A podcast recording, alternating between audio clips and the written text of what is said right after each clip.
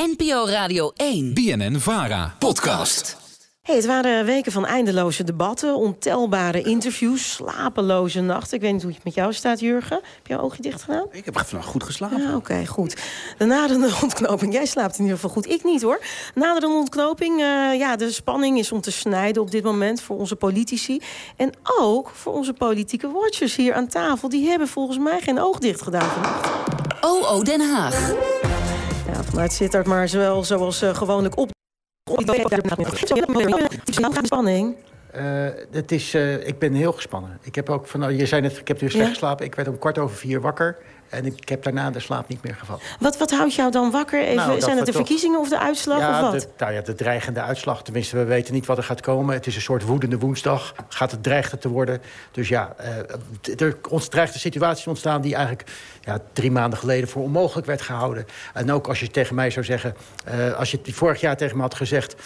de eerste vrouwelijke lijsttrekker met een Turkse achternaam... gaat ervoor zorgen dat Wilders de grootste wordt. Ja, ik had je voor gek verklaard. Maar het is, we leven in een tijd waar... Ja, verwacht het onverwacht, dat is mijn enige hoop nog. Hè.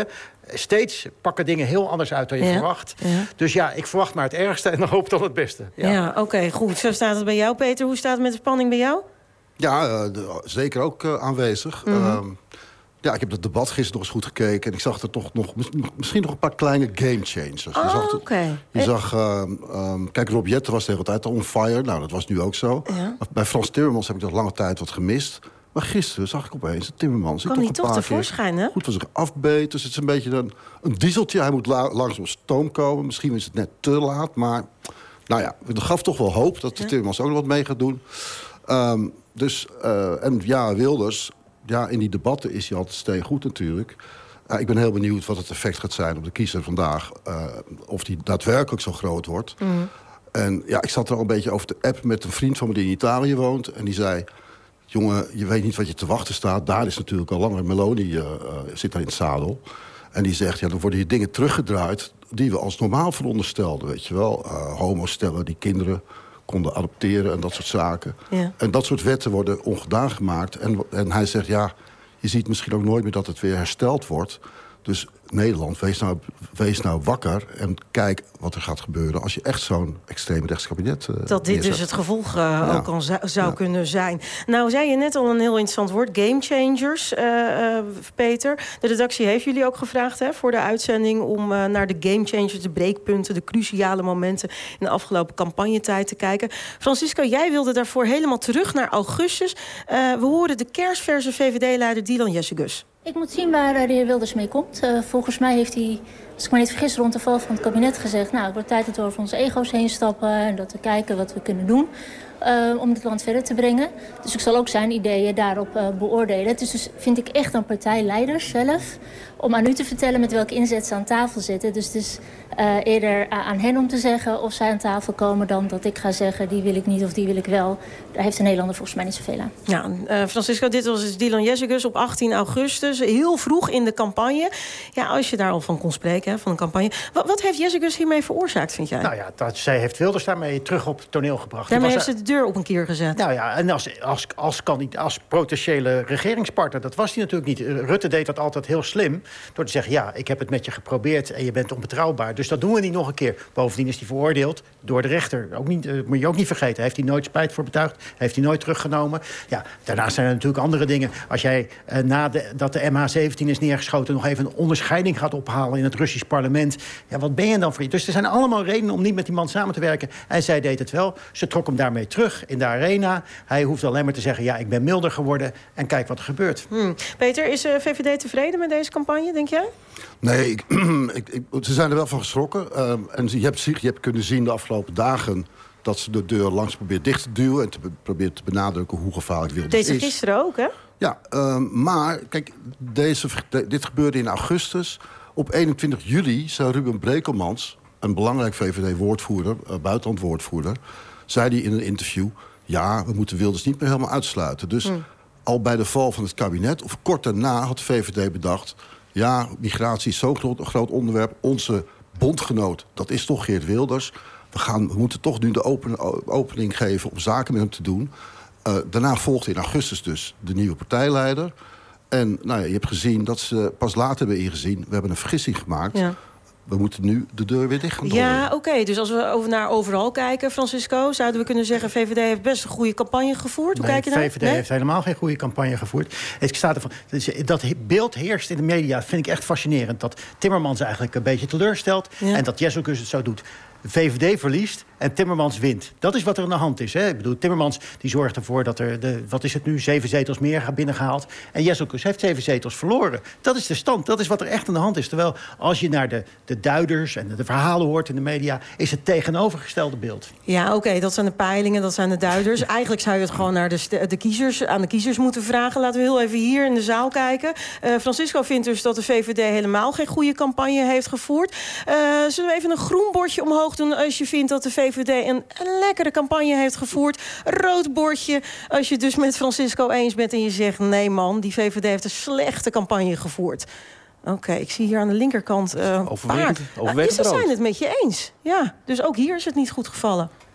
Ik ben verbijsterd. Je bent verbijsterd. dit, is, dit is toch Nee, de gemeente waar hè. Dat VVD de grootste vaak, is, ik- hè, tot nu toe. Nee. Ja. Nee, maar kijk, je kan het ook bedenken. Ze, zijn dus, ze raken stemmers kwijt aan Wilders. Want die denken, ja, waarom, waarom zou ik nog VVD stemmen... als ze toch met de PVV gaan regeren? Kan ik beter zorgen dat Wilders groot wordt? En ze raken hun echte liberale kiezers kwijt. Die denken, ja, dit is de grootste Ja, maar nachtmerrie. een beetje fatsoenlijke duiden moet het volk tegenspreken. Dat is de rol van de duider Nou, zeg het dan. En, ja, kijk, er moet een kleine nuance bij- worden aangebracht. Want eh, een nieuwe partijleider, dat na Rutte, weet je, het Mhm. opvolgen van Rutte... de meeste partijen storten helemaal in elkaar als zoiets gebeurt. Je ziet ook in staat, ja, op zeven zetels verliefd... ten opzichte van de vorige, vorige verkiezingen. Maar precies op dezelfde hoogte als de verkiezingen voordat we, toen Rutte er nog zat. Ja, dat is ook heel knap. Ik bedoel, je kan zeggen wat je wil...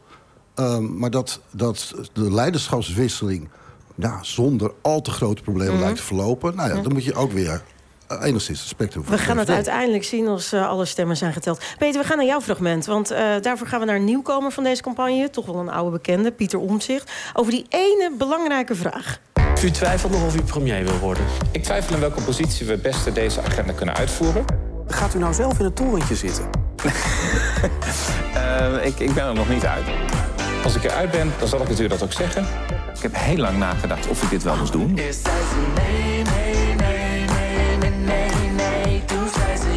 Dus u bent bereid in het torentje plaats te nemen om die agenda uit te voeren. Hoor ik dat goed? Vandaag krijgt u daar geen antwoord op. Om te denken dat ik alles helemaal kan scripten, eh, daar ben ik gewoon heel eerlijk in. Dat weet je niet. Nee, nee, nee, nee, nee, nee, nee. Toen zei ze ja. Ja, met vakministers. Peter, Pieter Omtzigt die deed eerst heel wijfelend. Nou, uiteindelijk bij eh, het tv-programma Buitenhof... toch wel dit antwoord wat we net hoorden. Wel met vakministers. Als je het nou helemaal overal bekijkt... Hè, denk je, dit is best wel een meestelijke... Afgezegd, hè, Francisco? Ja, dat, dat hoort er ook bij. Kijk, als je, een heleboel mensen, zeker de mensen die op omzicht stemmen... die zijn tegen, die willen iets anders. Mm. En dan moet je je dus anders opstellen. Dan moet je zeggen, hier doe ik niet, doet Wilders ook altijd... Hè, hier doe ik niet aan mee, ik kom niet en zo. Dat denken ze, oh, dat is goed, dat is iemand die niet meedoet. Die willen we hebben. Maar ik denk wel dat omzicht, en dat is... Ja, ik ben, ik ben niet zo'n fan van hem. Ik ben tenminste, ik was in het begin fan van hem... maar ik ben het steeds minder geworden. Tot nu helemaal niet. En ik denk dat hij de campagne echt... Dat is de dit is de meest bizarre campagne die ik ooit van mijn leven heb meegemaakt. En dat komt door omzicht. Omdat hij wijfelde, eh, ontstond er ook geen strijd. Want niemand durfde eh omzicht aan te vallen. Terwijl dat degene was die aangevallen had moeten worden als no- nieuwkomer. Maar dat durfde niemand. En daardoor kreeg je die echt die idioten, ja, dat vacuüm. Maar wat, we zaten hier wekenlang te praten, er gebeurt niks. Nou, en daar is Wilders Ja, ingesprongen. pas op het laatste moment zag je de aanval op omzicht eigenlijk. En gisteravond, weet je, die zelf uitlokte door Bontebal te attackeren. Te zeggen, jij bent het CDA, jij hebt er zo'n puinhoop van gemaakt. En Bontebal reageerde fantastisch door te zeggen... ja, ik ben jouw opvolger, ook letterlijk, hè. Hij heeft zijn plek in de, in de, in de Kamer ingenomen. Die burn-out had. eh, Ja. Toen hij een burn-out had. En die Bontebal die heeft zich heel netjes gedragen. Want die heeft niet om zich heen lopen schoppen... en gewoon eh, zijn eigen campagne gevoerd. Laten we even de balans opmaken, heren. Eh, wie zou eh, de grote winnaar en wie de grote verliezer worden van deze campagne, denk jij? eh, van, je bedoelt van de uitslag of van Ja, de campagne? campagne. Eh, van de campagne is uh, Omzicht heeft het, eh, grootste stempel Ja? gezet op de, op de verkiezingen. Ja, ik denk niet dat hij gaat winnen, maar hij heeft wel het, hij heeft me- de meeste nadruk. Als het land een puinhoop wordt, hebben we dat te danken aan Omzicht. Peter? Ja, dat, dat, ja, dat is natuurlijk niet. Dat is zo. Ik bedoel, omzicht is met een nieuwe partij zo enorm in zicht gekomen. Maar ja, als je nu alles gaat optellen en kijken waar Wilders vandaan komt. Helemaal aan het begin van deze campagne op 15 zetels gepeild. Nu lijkt hij naar, naar de 30 te gaan. Ja, dan is dat toch wel de enorme, de grote verrassing. En Timmermans, ehm, dat, daar hadden we heel, toch wel iets meer van verwacht. Grootste verliezer van de campagne? Nee, dat kun je niet zeggen, want ik bedoel, dit, dat, dat moet nu vandaag blijken. En dat kan zomaar ook nog heel anders uitpakken. Omdat ook heel veel mensen schrikken van het beeld wat nu voor ogen is. Zo'n heel erg rechts Ja. Timmermans is een beetje... Wij, ik voel me een beetje als je, zoals de Amerikanen, de linkse-Amerikanen... voor Ja. Biden moeten Ja. stemmen. Dat doe je toch een beetje... Ja, met, dat is eigenlijk wat niet wil, maar Er is staat geen Trump. andere optie. En die Zoiets. situatie zitten wij nu ook. Jij vergelijkt beetje... Timmermans met Biden. Nou, nee, het gevoel Ja, dat van de ik. Dat Amerikanen met het gevoel ik wat ik heb. Oh, dat Ja. gevoel. Blijven jullie eventjes zitten. We gaan zo meteen eh, verder praten met eh, Joyce Boverhuis van het eh, opiniepanel. En eh, ik zou ook heel graag willen weten wat jullie daar allemaal van vinden.